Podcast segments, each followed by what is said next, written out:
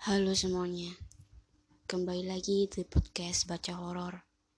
Kali ini podcast Baca Horor akan membacakan cerita dari Metafisika at UKM Pengamatan. Sangat miris ketika dulunya memuja-muja setan untuk harta, namun sekarang sukmanya entah ke mana karena perjanjian yang tak bisa ditepati. Kadang gak habis pikir, orang-orang yang seperti ini padahal urip wis penak banget. Belum bisa saya ceritakan sekarang, karena belum benar-benar selesai. Dan baru minggu depan bertemu dengan keluarga yang mengalami. Inilah ceritanya, yang berjudul Keluarga Korban Pesugihan.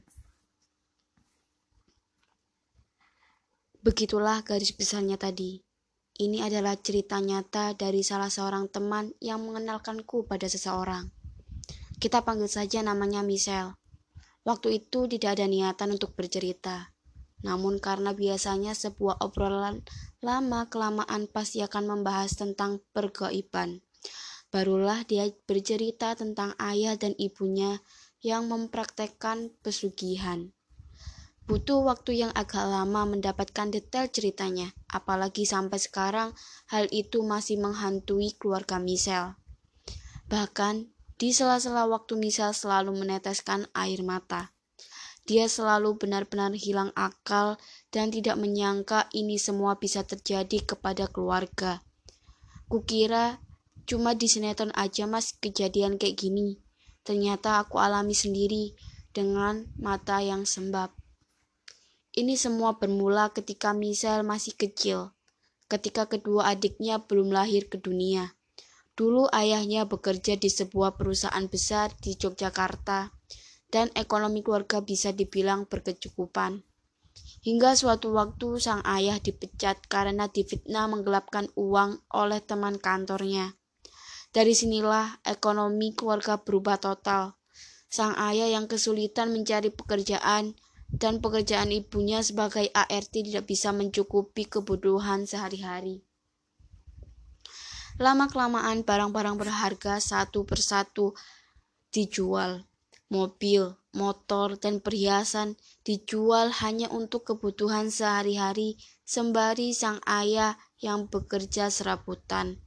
Misal yang pada waktu itu baru akan masuk SD berbarengan dengan sang ibu mengandung adik pertamanya. Kebutuhan yang semakin meningkat membuat sang ayah kebingungan mencari nafkah. Akhirnya diputuskan untuk menjual rumah dan mencari yang lebih murah. Namanya rumah pasti tidak secepat itu terjual. Butuh berbulan-bulan, bahkan bertahun-tahun. Sang ayah tak habis akal. Dia menawari rumahnya ke beberapa orang dan juga ke teman ayahnya dahulu. Sang ayah berkelana ke sana kemari untuk menjual rumahnya. Namun di tengah perjalanan ketika Michelle masih diselimuti kepolosan, sesuatu suatu hari sekitar jam 11 malam, rumahnya didatangi oleh segerombolan orang. Kalau jumlah lupa mas, tapi yang kuingat ada dua mobil. Aku itu kebangun karena rame banget rumahku. Ibuku aja bingung, gelas di rumah gak cukup buat ngasih minum. Begitulah penuturan Michelle saat menceritakan segerombolan orang datang ke rumahnya. Menurut penuturan Michelle, orang-orang itu agak aneh karena memakai baju yang sama semua dan pakaian yang dipakai dari atas sampai bawah berwarna hitam. Dan salah satu dari mereka membawa sebuah plastik hitam besar. Misal sempat bertanya kepada ibunya, mereka itu siapa? Karena Michelle belum pernah melihat orang-orang itu sama sekali. Usut punya usut, ternyata ibunya juga tidak tahu dengan orang-orang yang datang pada waktu itu. Michelle tidak tahu yang diobrolkan sang ayah dengan segerombolan orang itu, karena mereka berkerumun di dekat mobil yang agak jauh dari teras rumahnya. Tak lama kemudian sang ayah ikut dengan segerombolan dan pergi entah ke mana. Sang ibu sempat bertanya, namun sang ayah hanya terdiam. Bukan satu dua hari, sang ayah tak kunjung pulang hingga tujuh hari lamanya. Sang ibu yang sedang mengandung kebingungan dan tidak tahu mencari ke mana, apalagi dia tak mengenal orang-orang yang datang malam itu.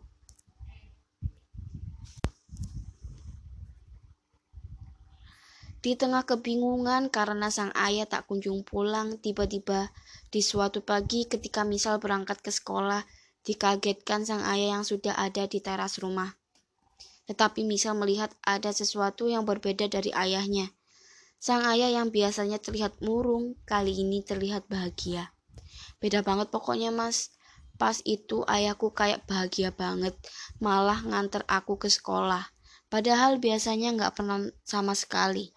Misal yang bertanya, di dalam hati sempat kebingungan walaupun dia senang melihat ayahnya sekarang sudah tidak bersedih lagi.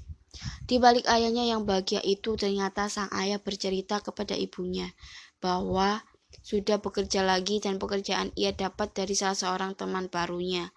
Teman baru yang dimaksud adalah segerombolan orang yang datang malam itu. Ibu bertanya kepada sang ayah, "Yang kemarin itu siapa, Pak?" Kok aku baru lihat ya? Itu temanku, Bu. Aku ketemu pas nawarin rumah yang mau kita jual. Tapi nggak jadi ku jual, aku udah dapat kerja. Gajinya juga lumayan. Sejak ayahnya bekerja lagi, ekonomi keluarga Misal berubah drastis. Yang dulunya ingin menjual rumah, malah ayahnya membeli rumah baru dan bisa dibilang lebih besar dari rumah sebelumnya. Apa pun dibeli oleh ayahnya untuk kebahagiaan keluarga. Hingga adik pertamanya lahir, ekonomi keluarga semakin naik dan tak jarang ayahnya berkontak ganti mobil. Misal yang ikut kecipratan bahagia karena apa pun yang ia inginkan selalu diberi oleh ayahnya. Bahkan dari teman misal yang lain, misal bisa dibilang paling loyal dan dianggap orang kaya. Waktu terus berjalan, Misal dan adiknya yang bertambah dewasa semakin jaya dan bahagia dengan kehidupan mereka. Hingga suatu hari, sempat ada pertengkaran hebat antara ibu dan ayahnya. Pertengkaran itu terjadi karena ibunya mempersalahkan mempermasalahkan sang ayah yang selalu pergi sampai pagi hari dengan gerombolan teman yang selalu menggunakan pakaian hitam. Menurut penuturan Michelle, Memang di hari-hari tertentu, sang ayah selalu pergi entah ke mana dan pulang ketika subuh tiba. Ketika ditanya, sang ayah selalu menjawab lembur. Sang ibu yang awalnya percaya lama-kelamaan curiga dengan kebiasaan sang ayah. Ya masak lembur cuma tiap hari hari itu mas dan lemburnya itu pasti dia berangkat jam 9 malam sampai subuh-subuh. Begitulah penuturan Michelle ketika mengobrol denganku. Pertengkaran yang terjadi membuat pertengkaran yang terjadi tidak membuat lembur ayahnya berubah. Pertengkaran itu terus berulang-ulang hingga ibunya lebih baik mengalah dan membiarkan kebiasaan ayahnya yang cukup aneh itu.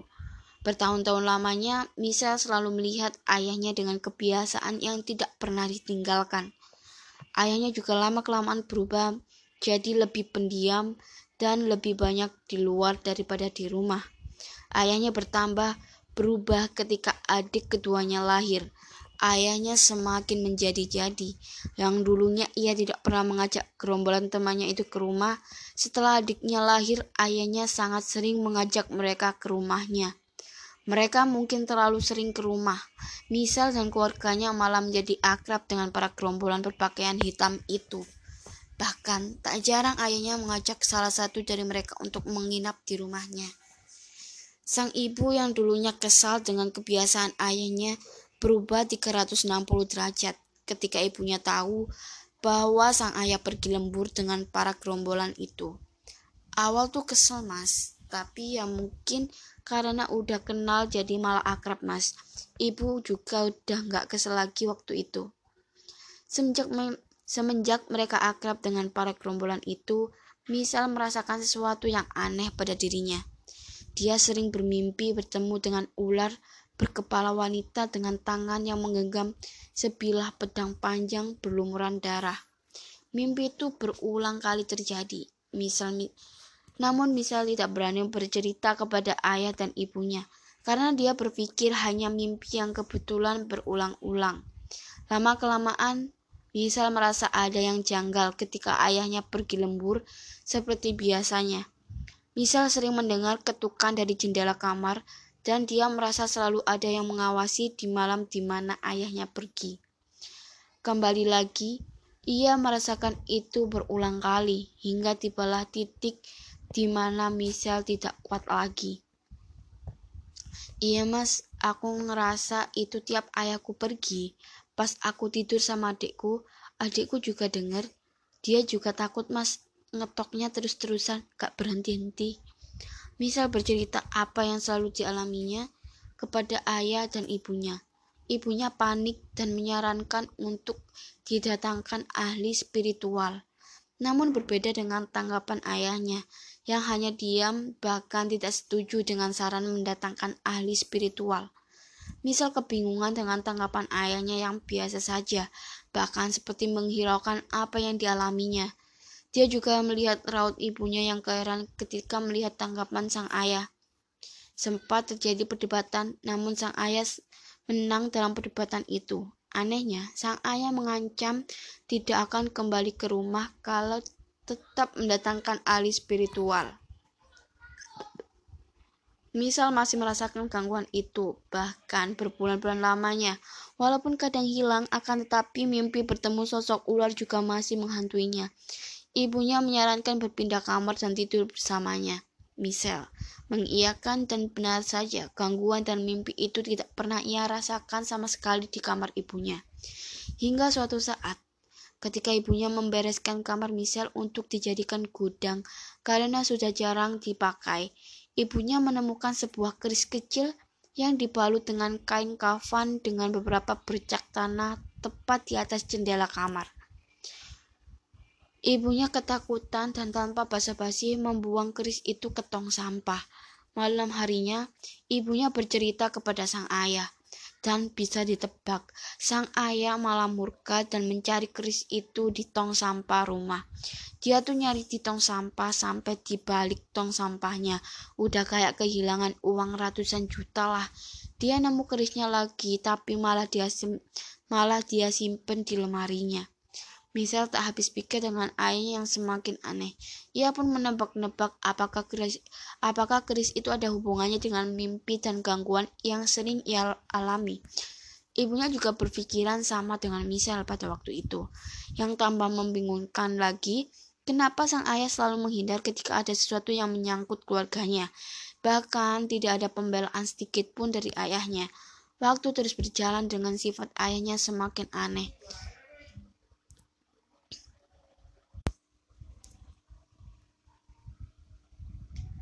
Waktu terus berjalan dengan sifat ayahnya yang semakin aneh.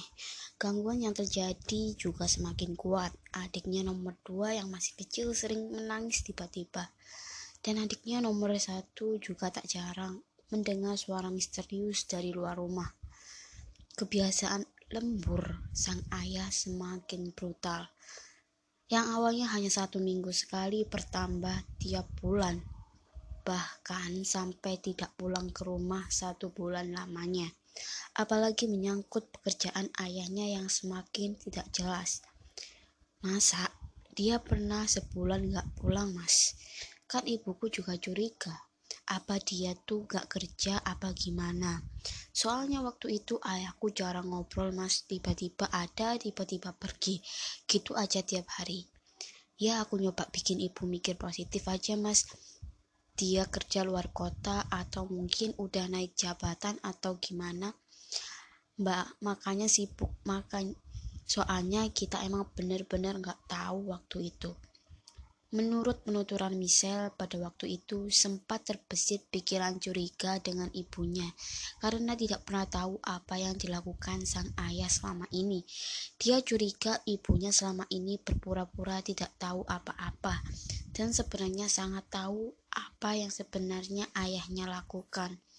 Dan dia berpikir apa yang selama ini diperlihatkan oleh ibunya hanya pura-pura semata untuk membuatku tenang. Awalnya curiga sama ibu. Ya logikanya harusnya tahu gimana. Harusnya tahu gitu apa yang dilakuin ayahku yang dia bilang lembur. Kecurigaan itu seketika datang di benak Michelle. Michelle bahkan sempat berpikir ada sesuatu yang besar disembunyikan oleh ibunya. Kecurigaan-kecurigaan itulah yang terus terbayang di benaknya Misal bahkan secara tidak langsung menanyakan hal itu, akan tetapi dibantah mentah-mentah oleh ibunya. Apalagi setelah Michelle masuk SMA, ayah dan ibunya berpisah dengan Michelle dan dua adiknya. Waktu itu sang ayah bercerita harus berpindah ke daerah utara Jogja yang cukup jauh karena ada pekerjaan yang harus dilakukan di sana. Dengan terpaksa, ayah dan ibunya meninggalkan Michelle dan dua adiknya. Tak tanggung-tanggung, mereka berencana menetap di sana selama satu setengah tahun lamanya. Kecurigaan Misal semakin menguat ketika suasana keluarga setelah ayah dan ibunya pergi keluar kota. Misal merasakan lebih nyaman dan tentram hidup bersama dua adiknya, walaupun komunikasi dengan ayah dan ibunya masih berjalan. Apalagi mereka memilih berpindah ke rumah Eyang karena takut ketika ada gangguan tidak ada yang menolong mereka pas pindah ke rumah Eyang tuh mas. Ya kayak biasa aja. Aku udah gak mimpi lagi. Adikku udah gak nangisi lagi. Adikku satunya juga udah gak pernah dengar suara lagi. Ditambah lagi Eyang kakunya yang pernah bercerita semenjak sang ayahnya bekerja dan bisa dibilang sukses tidak pernah berkunjung lagi ke rumah. Sekedar sekedar menengok pun tidak pernah sama sekali Memang setelah ayahnya bekerja jadi para gerombolan itu hanya Michelle, ibu dan dua adiknya saja yang sering mengunjungi eyangnya. Sang ayah memang tidak pernah mau ketika dia ajak diajak berkunjung ke rumah eyangnya. Sifat dan kehidupan sang eyang apa adanya pasti ada apanya. Saat Michelle hidup bersama di sana, Michelle sering diberikan petuah yang intinya selalu hati-hati dalam kehidupan sehari-hari. Misal merasakan dia diistimewakan dan paling dijaga daripada kedua adiknya. Aku tuh ke mana-mana pasti diantar Eyang. Eyang tuh kayak gak mau jauh sama ada gak mau jauh mas dari aku. Kadang kasihan kan, SM aku juga jauh dari rumah Eyang. Tapi Eyang tuh pasti ngotot ke mana pun harus sama dia. Bahkan, dia dilarang untuk pergi malam hari. Ketika ada temannya yang ingin mengajaknya pergi malam hari, teman-temannya yang harus datang ke rumah eyangnya apabila terpaksa keluar kadang diantar oleh eyangnya ataupun orang kepercayaan eyang. Namanya anak SMA pasti lama-kelamaan jenuh karena merasa tidak bebas ke sana kemari. Misal sempat colong-colongan dengan eyangnya, dan akhirnya Michelle mendapatkan sesuatu yang tidak diinginkan sama sekali oleh semua orang di dunia ini. Michelle bersama teman-temannya menggunakan sepeda motor dan berniat untuk berlibur ke pantai. Namun apa dikata dan sudah menjadi kehendaknya, Michelle mengalami kecelakaan hebat. Dia menabrak dia menabrak bak truk yang Kemudian badannya terjatuh ke kiri dan naas salah satu bagian dari tubuhnya terlindas ban mobil yang melaju kencang dari belakang.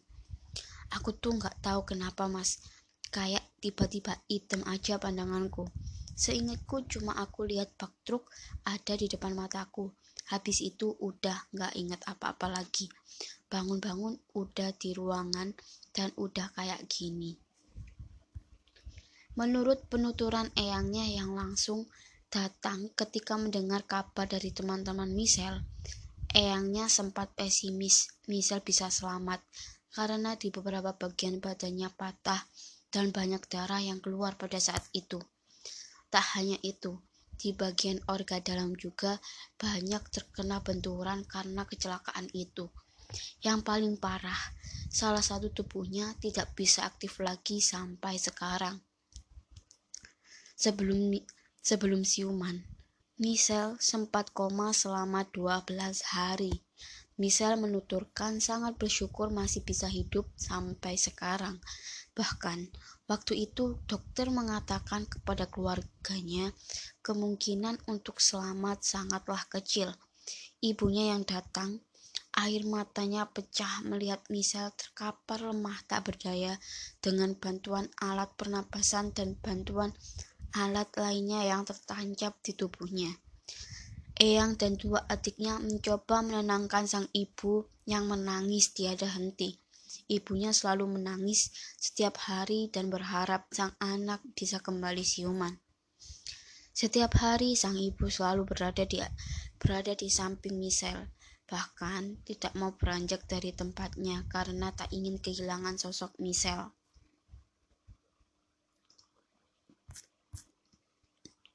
Sang eyanglah yang selalu menyemangati sang ibu agar percaya Michelle bisa melewati semua ini dan harus pasrah kehendak Tuhan.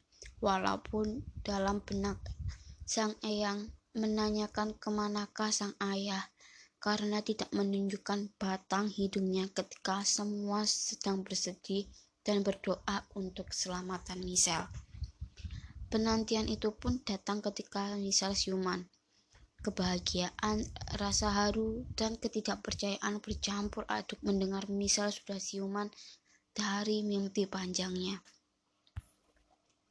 Akan tetapi, Misal sempat tidak percaya karena salah satu bagian tubuhnya tidak bisa ia lihat kembali. Dia kemudian ikhlas dengan apa yang terjadi dengannya. Namun, keluarga yang ada di dekatnya selalu menguatkan dirinya dan selalu mengingatkan agar bersyukur dengan apa yang sudah diberikan, apalagi masih diberi kesempatan untuk melihat keindahan dunia ini. Berjalannya waktu, Misal berangsur pulih walaupun harus melakukan beberapa terapi untuk menghilangkan trauma dan rasa sakit yang ada di tubuhnya dari bekas operasi yang dilakukan. Ibunya yang selalu menemani Misal berbanding terbalik dengan sang ayah yang belum pernah ia lihat semenjak dia siuman. Ada sedikit rasa kecewa dan berulang kali ia bertanya kepada ibunya, pergi ke mana sang ayah. Namun, ibu hanya diam dan menitihkan air mata ketika Michelle bertanya keberadaan sang ayah. Udah, yang penting kamu sembuh dulu. Begitulah ucapan yang selalu ia dengar dari ibunya ketika bertanya keberadaan sang ayah. Ketika Michelle benar-benar sembuh dan sudah bisa beraktivitas seperti biasanya, terhitung sudah satu setengah tahun lamanya semenjak dia siuman tidak melihat sang ayah. Ibunya yang sudah meninggalkan sang ayah juga tidak mengetahui keberadaan ayahnya. Misa merasa sudah tidak dianggap sebagai anak oleh ayahnya, dan begitu sebaliknya. Bahkan rasa benci yang selalu ada di dalam benaknya ketika nama ayahnya terdengar di telinga, terdengar telinga manisnya, tetapi sebagai seorang anak dan dia dan di dalam hati kecilnya masih ingin bertemu dengan ayahnya. Walaupun aku tuh benci, tapi ya kok sebegitunya. Ya masa dari aku sakit sampai aku belajar jalan, gak pernah sekalipun lihat telepon pun enggak sama sekali. Begitulah kalimat yang keluar dengan matanya yang menahan air mata. Beriringan dengan Michelle yang masih berharap ayahnya untuk datang, Michelle merasakan ada sesuatu yang berbeda darinya setelah kecelakaan itu. Michelle merasa indera keenamnya seperti terbuka dengan sendiri secara perlahan.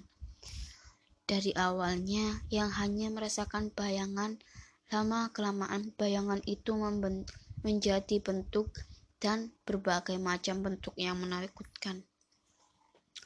Awalnya takut mas, bingung juga bisa lihat tiba-tiba aja dan itu kayak tiap hari itu nambah-nambah terus. Dulu mah cuma ngerasa ada bayangan, tapi lama-lama jadi kayak upgrade mas. Kadang kaget, tapi udah terbiasa sih sekarang. Misal yang awalnya sempat takut dengan kemampuannya mencoba untuk mengontrolnya sendiri. Dia ingin bercerita dengan ibunya, namun takut akan membuat ibunya panik. Hingga suatu hari sang eyang menemuinya dan betapa kagetnya Misal mendengar perkataan dari eyangnya. Untung kamu masih hidup, leh. Maaf ya, Mbak nggak bisa bantu kamu. Mbak juga nggak kuat buat ngelawan ayahmu. Dengan nada bergetar sambil memegang tangan Michelle dengan eratnya. Michelle benar-benar tidak tahu maksud dari perkataan eyangnya itu. Michelle bingung melihat sang eyang yang kemudian menangis dan meminta maaf atas segala sesuatu yang terjadi, bahkan menunduk di hadapannya. Dia yang tak tega membangkitkan sang eyang dan mencoba menenangkan untuk menjelaskan maksud dari perkataan tadi. Beberapa menit, beberapa menit setelahnya, sang eyang sudah mulai tenang bercerita bahwa kejadian yang dialami Michelle sebenarnya adalah perbuatan dari ayahnya. Secara tidak langsung, Michelle dijadikan tumbal pesugihan oleh ayahnya sendiri. Namun, karena kehendaknya Michelle masih diberikan kesempatan untuk hidup, dan alasan itulah sang ayah tidak berani menemuinya. Inilah maksud dari eyangnya selalu menjaganya dan mendapat perlakuan istimewa daripada dua adiknya. Sang eyang juga menjelaskan efek dari kegagalan tumbal itu membuatnya punya kemampuan lebih. Bahkan, sang eyang juga menceritakan teman-teman ayahnya yang membuat ayahnya salah arah. Ketika ditanya teman yang mana, sang eyang menjawab gerombolan orang yang selalu memakai pakaian serba hitam itulah yang dimaksud eyang. Sang eyang juga mengetahui kebiasaan ayahnya yang sering pergi dari malam hingga subuh. Uniknya, Eyang juga mengetahui kejadian di mana saat sang ibu menemukan sebilah keris yang terbalut kain di atas jendela kamar. Michelle yang mendengar semua itu sangat shock dan tidak percaya dengan apa yang ia dengar. Ketika ditanya teman yang mana, sang Eyang menjawab,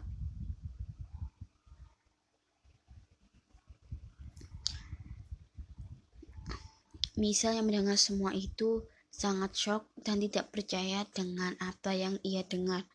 Shock banget itu mas. Shock banget sih mas. Tapi bingung mau percaya atau enggak waktu itu yang aku nggak habis pikir Eyang bisa tahu semuanya. Padahal kita tuh nggak pernah cerita sama sekali soal gangguan sama kebiasaan ayahku mas. Yang aku juga tahu, ya aku juga tahu sih Eyang emang bisa tapi kok bisa sedetail itu? Sang Eyang hanya menitip pesan kepada Michelle agar segera mencari obat ataupun orang yang mampu melawan kekuatan ayahnya dan memberikan sebotol air putih untuk digunakan mandi dan minum setiap pagi. Di situ sang Eyang bercerita, dia pernah melawan sosok yang ada di balik ayahnya, yaitu sosok ular berkepala wanita dengan tangan yang menggenggam sebilah pedang panjang berlumuran darah. Ya, sosok ini yang sering masuk dalam mimpi Michelle ketika masih hidup bersama ayahnya. Sebelum berpindah ke rumah Eyang, menurut sang Eyang, sosok ular ini yang diutus untuk mengambil nyawanya sebagai tumbal dengan cara membuat Michelle celaka. Tetapi percobaan yang dilakukan selalu gagal karena sang eyanglah yang mencegah dan melawan dari kejauhan. Kesaksian Misal sendiri, sang eyang memang mempunyai kekuatan lebih. Itu pun dia baru tahu ketika hidup bersama eyangnya. Eyangnya sering menyalakan dupa di setiap sudut rumah. Kadang juga menyendiri di kamar saat malam-malam tertentu. Bahkan Misal sering disuruh mandi air dari dalam bak besar di belakang rumah. Misal sempat menghubungkan dengan apa yang dikatakan yang dikatakan eyangnya. Dia bertanya, kenapa dia masih bisa seperti ini sedangkan sang eyang berkata bahwa melawan sosok yang akan mengambil raganya. Dan yang dipertanyakan adalah kenapa eyangnya tidak pernah memberitahu tentang semua ini.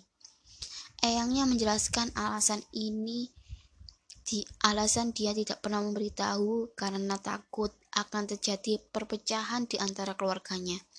Dan Eyang juga berkelak Michelle pasti tidak percaya dan membuatnya khawatir apabila dia mengetahuinya dari awal. Dengan gamblangnya sang Eyang menjelaskan di suatu hari ketika belum lama Michelle tinggal di rumah Eyang. Rumahnya pernah disatroni oleh beberapa makhluk kiriman dari ayahnya. Eyangnya yang melawannya tidak mampu karena kekuatan yang besar. Itulah yang itulah maksud dari eyangnya sangat menjaga dengan baik seorang Michelle. Karena sang eyang sudah tidak mampu menjaganya secara gaib, akhirnya melakukan pencegahan sesuai kemampuannya. Sang eyang juga mewanti-wanti dengan dua adiknya takut menjadi korban selanjutnya. Misal tidak langsung percaya dengan perkataan eyangnya. Bahkan, tidak tahu kenapa kesedihan tidak menyelimuti hatinya. Hanya kebingungan tentang mana yang benar dan mana yang salah. Bingung juga mas, aku harus cerita sama siapa lagi. Masa ya sama adikku? Gak mungkin juga. Apalagi sama teman sekolahku gak mungkin juga. Ya udah cuma ibu yang bisa aku ceritain. Suatu malam, Ketika ibunya selesai memasak, Michelle memberanikan diri menceritakan apa yang ia dengar kepada ibunya. Michelle bercerita dengan hati-hati karena takut akan membuat ibunya sakit hati. Di saat Michelle bercerita soal hubungan pesugihan dengan para kerombolan berpakaian hitam, ibunya meneteskan air mata dan memeluk Michelle dengan erat. Pas aku cerita soal pesugihan itu, Ibuku langsung meluk sambil nangis. Nah, di situ aku mikir kalau emang bener ayahku kayak gitu dan aku jadi tumbalnya. Dah kelihatan banget deh pokoknya waktu itu. Tangisan semakin pecah, namun misal mencoba melepaskan pelukannya dari ibunya dan mencoba menghentikan tangisan ibunya untuk menjelaskan semuanya. Dengan sedikit paksaan dan kemarahan, Michelle akhirnya sang ibu menceritakan segalanya yang ibunya tahu. Benar saja, ibunya sudah mengetahui apa yang sebenarnya dilakukan ayahnya. Semua terbuka semenjak berpindah ke utara Jogja. Sang ibu pernah diajak oleh ayahnya pergi ke sebuah hutan, tepatnya di bawah kaki gunung. Pertama kalinya ibu mengira akan diajak ke rumah saudara yang arahnya sama dengan arah malam itu. Di tengah malam, ayahnya malah bertemu dengan segerombolan teman yang sering memakai pakaian serba hitam. Di situ ibunya bingung, sebenarnya dirinya akan dibawa ke mana. Sampailah di sebuah hutan, dan sang ibu diajak berjalan kaki masuk ke dalam hutan bersama para gerombolan itu. Tibalah di sebuah gubuk yang tak jauh dari dari situ terdapat sebuah gua dengan mata kepalanya sendiri. Ibunya melihat ayah dan para gerombolan itu melakukan ritual memutari sebuah benda yang berada di tengah-tengah mereka. Ritual yang mereka lakukan dengan membaca sesuatu secara bersama, secara bersama-sama. Ibunya menunggu sekitar satu jam, dan setelah selesai melakukan ritual, ayahnya membawa sebuah bungkusan dan dibawanya pulang. Di perjalanan pulang, sang ibu sempat bertanya, apa yang sebenarnya dilakukan di tengah hutan dan apa isi dari bungkusan yang dibawanya. Bukannya dijawab, sang ayah malah marah-marah dengan apa yang ditanyakan kepadanya. Dengan penuh amarah, sang ayah mengelak yang dilakukan hanyalah ritual untuk keselamatan dia dan keluarganya. Dan ketika ibunya ingin mengambil bungkusan itu, tiba-tiba sang ayah langsung mengambil bungkusan itu dari tangan ibunya. Tak hilang akal, ibunya mencoba mengambil bungkusan itu ketika ayahnya tertidur tertidur pulas. Begitu kagetnya, di dalam bungkusan terdapat sebuah bungkusan kain putih panjang dan beberapa bunga di sekitarnya. Ibunya yang terkejut dengan refleksnya membuang bungkusan itu dan segera pergi meninggalkan bungkusan yang sempat tercecer di lantai. Pagi harinya, sang ayah yang mengetahui bungkusan berserakan langsung mencari ibunya dan tak segan menampar bahkan memukulnya. Ibunya sempat meminta ampun, tetapi tidak digubris oleh sang ayah. Ibunya sangat terpukul dengan kejadian itu karena selama mereka menikah tidak pernah sekalipun sang ayah berbuat sampai segitunya. Semarah-marahnya mungkin hanya sekedar membanting benda-benda di sekitarnya. Sang ibu yang bisa dibilang kepo selalu mencoba bertanya kepada sang ayah tentang bungkusan yang sangat dijaganya. tetapi pasti terjadi perkelahian di antara keduanya.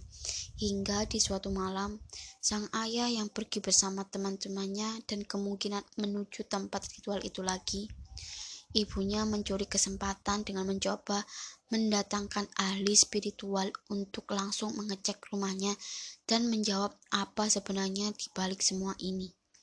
Ahli spiritual itu menjelaskan bahwa apa yang ada di bungkusan kain adalah sebuah alat untuk ritual pesugihan. Dan alat inilah sebagai penarik harta, tetapi hanya bisa dipakai pemiliknya langsung.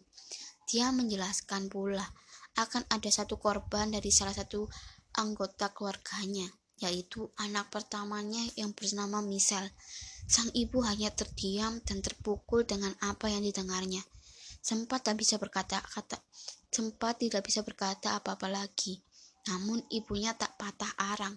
Dia mencari sudut pandang lain dan berharap itu semua tidak benar. Namun, ketika dia bertemu tiga orang yang berbeda, dijawab ketika orang itu sama persis dengan orang yang pertama kali ia datangkan ke rumah. Bahkan, salah satu dari mereka mengatakan tumbal tidak bisa dihentikan karena sudah ada perjanjian, apalagi apa yang diinginkan ayahnya sudah diberikan semuanya. Intinya tinggal menunggu waktu saja. Ibunya terus berusaha untuk melindungi anaknya bagaimanapun caranya. Tak tanggung-tanggung, ia kembali mencari ahli spiritual di beberapa penjuru. Tapi apa daya, kebanyakan dari mereka menyerah ketika mencoba menerawang ataupun melawan kekuatan yang ada di dalam diri ayahnya. Kata ibu sih, kebanyakan dah nyerah dulu, dah nyerah, udah nyerah dulu pas ibu cerita detailnya. Yang didatengin ibu malah kebanyakan nyaranin ke orang lain. Ada juga yang nyoba tapi katanya ada yang sampai muntah darah. Ibunya sangat takut. Sudah tidak bisa berbuat banyak dan hanya bisa berdoa sepanjang waktu. Sempat terbenak dalam pikiran ibunya untuk memberitahu Michelle dan eyangnya. Namun ibunya takut akan menganggap apa yang dikatakan hanya omong kosong belaka Bahkan, ibunya takut bertemu sang ayah dan selalu mengurung diri di kamar. Berani keluar hanya ketika sang ayah pergi keluar rumah. Di saat ibunya menguatkan mental dan keberaniannya untuk membuka semuanya, namun sudah terlambat ketika ibunya mendapat kabar Michelle mengalami kecelakaan dahsyat. Sang ibu yang mendengar kabar itu bergegas meninggalkan ayahnya yang di malam sebelum Michelle kecelakaan dari balik jendela kamar ibunya melihat sang ayah pergi dengan membawa bungkusan kain itu. Misa sempat tak bisa berkata apa-apa, mendengar langsung kesaksian ibunya. Air matanya pecah tanpa henti, bahkan membuatnya hampir tak sadarkan diri. Habis dengar itu, langsung makdek masaku. Udah gak bisa ngomong, cuma bisa nangis doang. Karena aku juga sempat curiga sama ibuku sebelumnya. Dan gak bisa udah nggak bisa jelasin lagi. Begitulah kalimat yang keluar dari Michelle. Dan ke dan kembali mengusap air matanya dan mencoba ditenangkan oleh kawanku kala itu. Setelah Michelle mendengar cerita dari Eyang dan ibunya, walaupun ada kesedihan bagaimana sang ayah yang sangat tega mengorbankan dirinya hanya karena harta, namun Michelle masih bisa bersyukur karena berkat kuasanya masih diberi kesempatan untuk hidup. Tetapi Michelle berkata seperti ada dendam dan tidak pernah mengharapkan bertemu ayahnya lagi. Dia juga masih takut tumbal ini masih ada dan yang selanjutnya menimpa kedua adiknya. Kalau dendam sih ada mas, aku jelasinnya nggak tahu itu dendam apa gimana. Ya maaf ya mas, aku udah nggak pengen ayahku hidup lagi. Aku juga sempet mikir buat mau ngebunuh ayahku, tapi aku mikir lagi nanti aku malah lebih jahat lagi kalau sampai itu kejadiannya.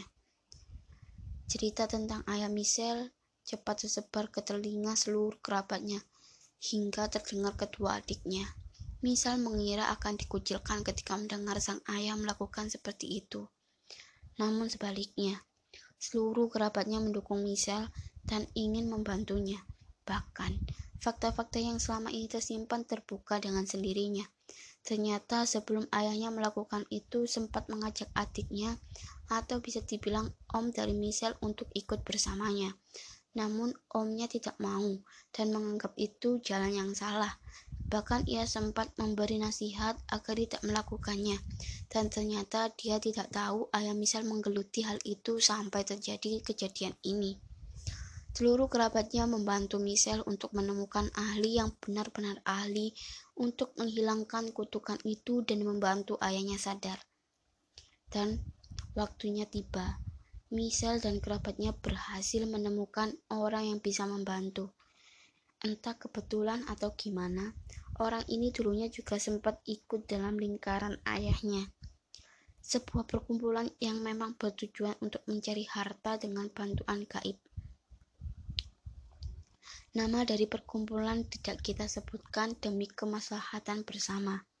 Orang ini sempat terjerumus, namun mendapat berkah yang membuatnya bisa keluar dari lingkaran itu.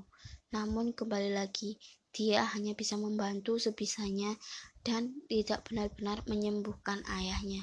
Karena menurut dia, sukma dari ayahnya sudah tidak terkontrol dan bisa saja sudah dikuasai oleh makhluk lain. Suatu malam, orang ini mengadakan doa bersama dan melakukan sebuah ritual. Orang itu ia dibantu muridnya yang berjumlah tujuh orang, dan Eyang Misa juga ikut melakukan ritual tersebut. Tujuan dari ritual ini adalah menyadarkan ayahnya dan mencegah agar makhluk ini tidak bisa menguasai raga ayahnya. Pas itu rame banget mas, aku lupa tempatnya di mana. Tapi Aku, keluarga sama saudara-saudaraku dibantu si bapak doa bersama mas. Rame banget kok waktu itu. Aku pun bertanya kepada Michelle, di mana posisi ayahnya ketika mereka melakukan doa bersama. Michelle menjawab, ketika mereka melakukan doa bersama ayahnya, masih ada di rumah rantaunya dan memang belum pulang pada saat itu. Ritual itu rutin dilakukan hingga di suatu pagi terdengar kabar bahwa ayahnya datang menemui salah seorang kerabatnya. Ayahnya datang dengan penuh emosi dan bertanya di mana keberadaan keluarganya saat itu. Seluruh kerabatnya ia satroni, bahkan rumah Eyang juga menjadi sasaran ayahnya, tetapi Misal dan keluarganya sudah bersiap apabila hal ini terjadi. Mereka memilih mengontrak rumah yang di mana ayahnya tidak tahu keberadaannya secara pasti. Ayahnya yang juga sangat gigih mencari keberadaan istri dan anaknya menemukan rumah kontrakan yang pada saat itu hanya ada ibu dan dua adiknya. Ibunya yang melihat sosok sang ayah langsung menutup pintu dan mengunci dengan rapat agar ayahnya tidak bisa masuk ke rumah. Sempat terjadi perdebatan, bahkan teriakan ayahnya terdengar tetangga rumah. Kerabatnya yang tak lain adalah Om Michel mendapatkan telepon berdering dari sang ibu dan mengatakan ayahnya sedang berada di rumah dan juga membawa sesuatu di tangannya.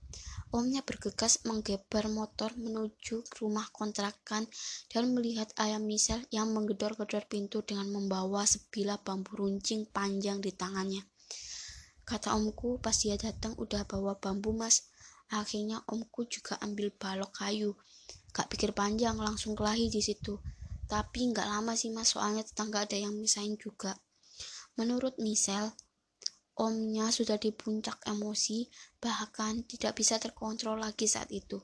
Setelah dilerai ayahnya langsung pergi entah ke mana dan sempat mengucapkan sebuah kalimat awas sesuk mati kabeh.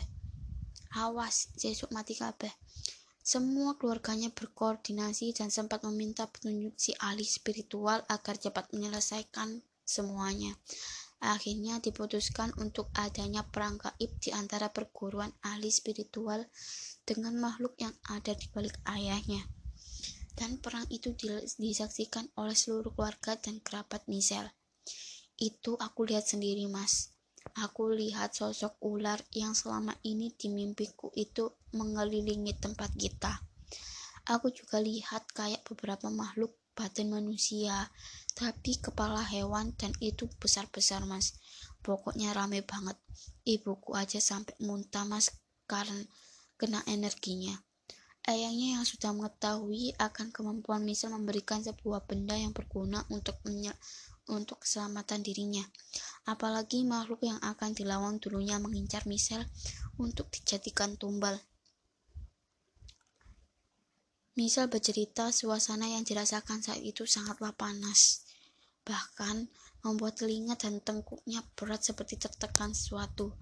Sempat terdengar beberapa kali lemparan benda di atas rumah. Beberapa kali jendela bergetar dan pantulan cahaya merah dari arah luar beberapa kali. Bapaknya sempat kelempar mas pas narik sesuatu dari luar. Habis itu anak buahnya juga kelempar.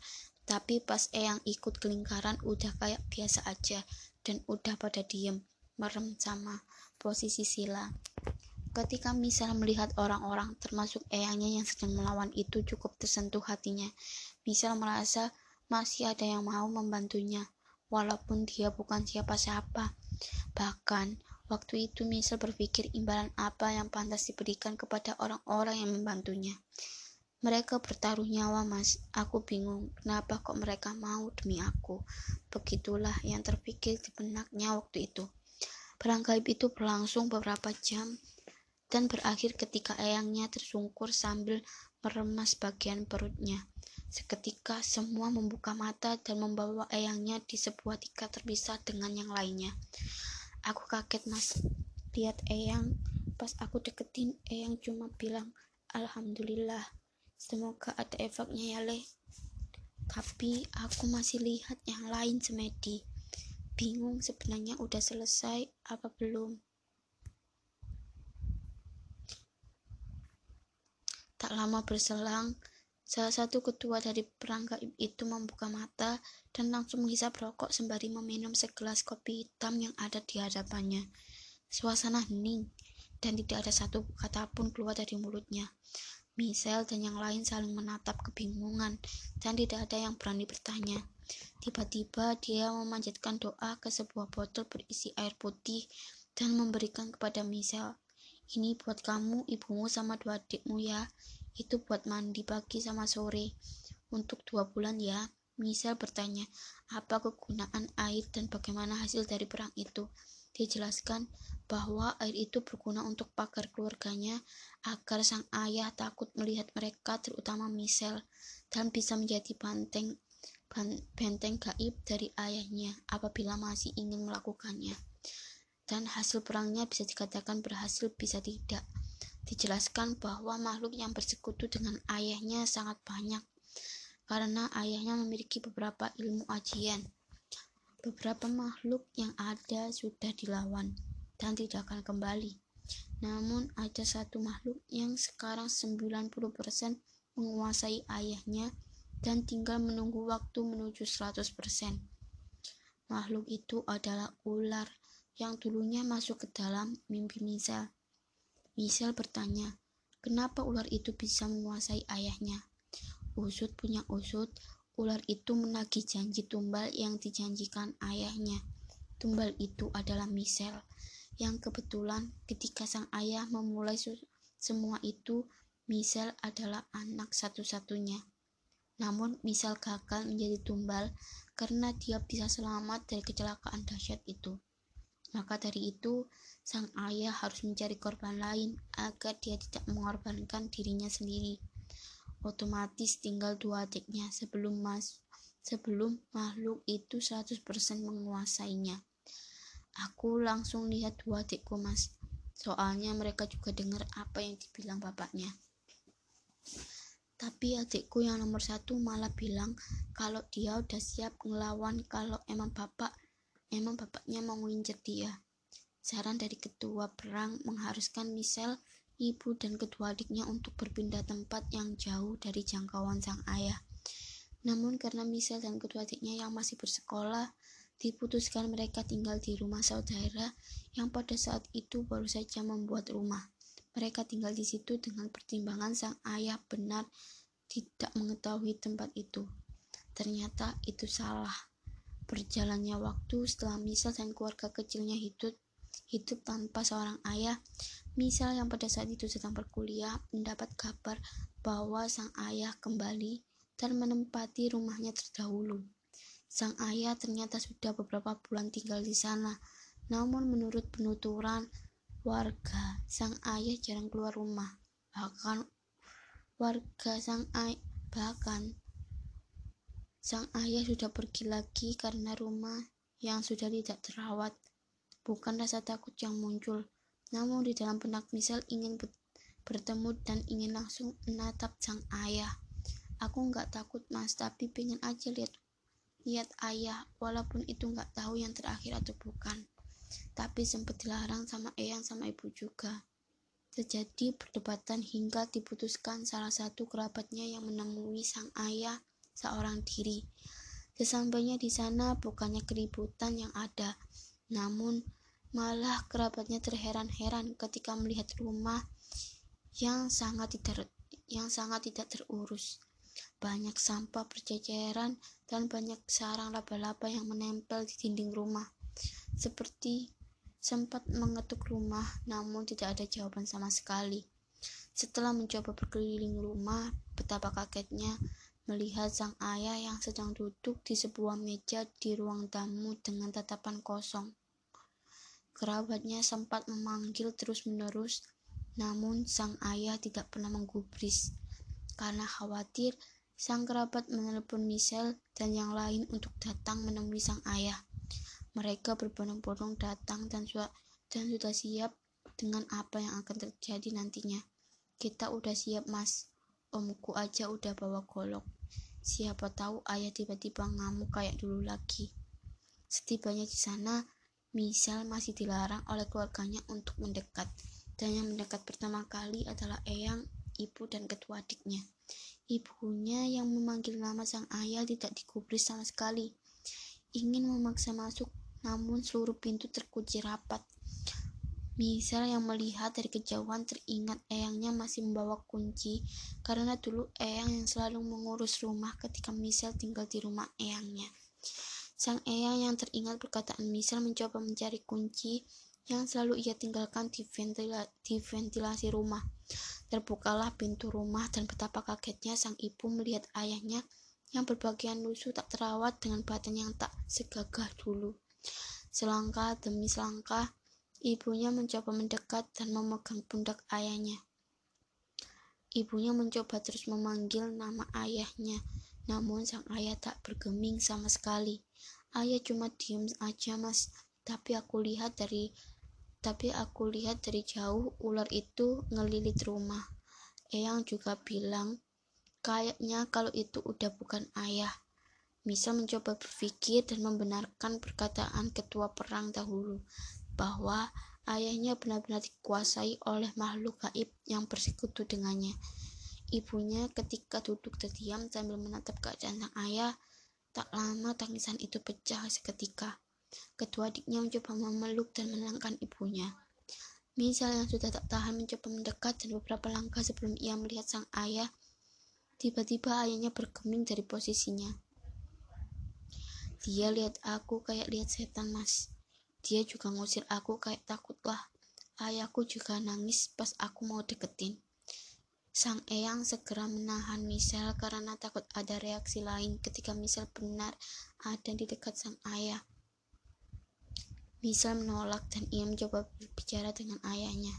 Kenapa sih ya kok kayak gini? Ayah kok teka sama Michelle? Begitulah perkataan Michelle ketika itu benar-benar berhadapan dengan ayahnya yang masih dan bergetar penuh ketakutan menatap Michelle. Udah nggak bisa udah nggak bisa sedih lagi mas Nangis juga udah gak bisa. Di jalan aku aja sempet pengen ngebunuh ayah. Tapi pas aku lihat ibu nangis kayak gitu, niatanku hilang mas. Setelah pertemuan itu, ibunya menginginkan sang ayah untuk dibawa pulang. Karena berhubung keadaan sekarang yang memprihatinkan, keputusan sang ibu ditolak mentah-mentah oleh Michelle. Karena di dalam hatinya masih ada kebencian yang tertanam. Terjadi tarik ulur di antara keluarganya. Namun kerabat dan eyangnya juga tidak setuju apabila sang ayah dibawa pulang karena di, karena ditakutkan akan terjadi hal yang tidak diinginkan. Apalagi bisa dikatakan di dalam tubuhnya bukanlah sosok sang ayah sebenarnya. Kemudian eyangnya menelepon ketua perang gaib yang sempat melawan makhluk yang bersekutu dengan sang ayah, memintai solusi bagaimana baiknya dan semua bisa aman. Diberilah saran bahwa sang ayah dibawa ke rumah ketua perang untuk dilakukan terapi menghilangkan sosok ular itu, walaupun kemungkinannya sangat kecil. Saran itu disetujui oleh semua keluarga, termasuk sang ibu. Dijemputlah sang ayah oleh ketua perang dengan para muridnya berjumlah delapan orang. Ketika melakukan penjemputan, mereka mencoba menyisir rumah dan ditemukan beberapa uang di dalam bungkusan putih yang dulu sempat dipertanyakan oleh sang ibu. Ditemukan juga beberapa keris, dupa, dan berbagai macam alat. Dan paling mengagetkan, ditemukan secari kertas dan tertera nama Michelle lengkap dengan tanggal lahirnya. Sempat ada perlawanan dari sang ayah, bahkan sempat memukul salah satu orang hingga tersungkur. Namun karena kalah jumlah sang ayah tidak bisa berkutik, bahkan kaki tangannya diikat dengan tambang agar tidak bisa melawan lagi. Kalau sekarang katanya ayah masih di terapi mas, tapi dibuatin ruangan sendiri. Cuma ibu yang sering nengok nengokin ayah ya walaupun bapak-bapak itu sering bilang kalau sebenarnya udah nggak bisa dan cuma nunggu waktu tapi aku tahu alasan ibu masih mau ke sana setelah sang ayah dikarantina memang di saat tertentu terutama di malam di mana ia melakukan lembur ia sering mengamuk dan kadang menyiksa dirinya sendiri Misal sendiri sudah tidak mau berurusan dengan ayahnya dan lebih memilih menjalani kehidupannya walaupun tubuhnya tidak sesempurna seperti. Seperti dulu. Misal masih tak percaya dengan apa yang terjadi pada dirinya. Misal yang dulunya periang, kini lebih banyak diam dan mengurung diri. Namun keluargalah terutama ketua adiknya yang selalu memberi motivasi ketika ia sedang berada di titik terendah. Rasa benci, dendam, bahkan rasa ingin membalas masih misal rasakan hingga saat ini. Aku sempat pengen bunuh diri mas. Untung aku sadar kalau dulu aku tuh dikasih kesempatan hidup dan itu jangan sampai aku sia-siain. Karena itulah sekarang misal rutin berkunjung ke Eyang untuk menyejukkan hati dan pikirannya dengan mengasah kemampuan gaib yang ia dapat setelah kecelakaan dahsyat. Begitu pula dengan adiknya nomor satu yang ikut mengasah kemampuan dengan alasan apabila terjadi lagi di lain waktu dia bisa mengetahuinya lebih awal. Ketika aku dan Michelle tiba di penghujung obrolan, aku sempat bertanya bagaimana dengan gerombolan pakaian serba hitam itu. Michelle menjawab, para gerombolan itu pernah mendatangi rumah ketua perang yang berpura-pura berkunjung mencari obat. Mungkin ingin membawa sang ayah. Namun sebelum itu terjadi, para gerombolan itu diusir, bahkan sempat akan terjadi perkelahian. Sempat ada juga serangan gaib yang menyerang Eyang dan itu disinyalir sumbernya dari orang gerombolan itu namun bisa dilawan eyangnya. Sampai sekarang serangan-serangan itu masih terjadi walaupun intensitasnya tidak seperti dahulu. Begitulah cerita Michelle, wanita tangguh yang bisa menghadapi dan kuat dengan apa yang ia alami. Ketika tim kami mengulik cerita dari Michelle, beberapa dari kami sempat menangis karena terheran-heran dan tak percaya dengan apa yang kami dengar. Tak hanya Michelle, kami juga menemui semua yang semua yang menjadi saksi pesugihan sang ayah dari ibu, eyang, dan para kerabat Michelle lainnya. Dan ketika cerita ini sudah menjadi bacaan khalayak umum, segala sesuatunya sudah disetujui oleh orang-orang yang terlibat di dalamnya. Mohon maaf bila ada salah dalam penulisan tanda baca ataupun kata-kata yang kurang berkenan. Kami hanya ingin menjadikan ini sebagai pembelajaran untuk kita semua. Begitulah cerita dari Michelle. Semoga cerita ini bisa kita ambil hikmahnya. Terima kasih. Assalamualaikum.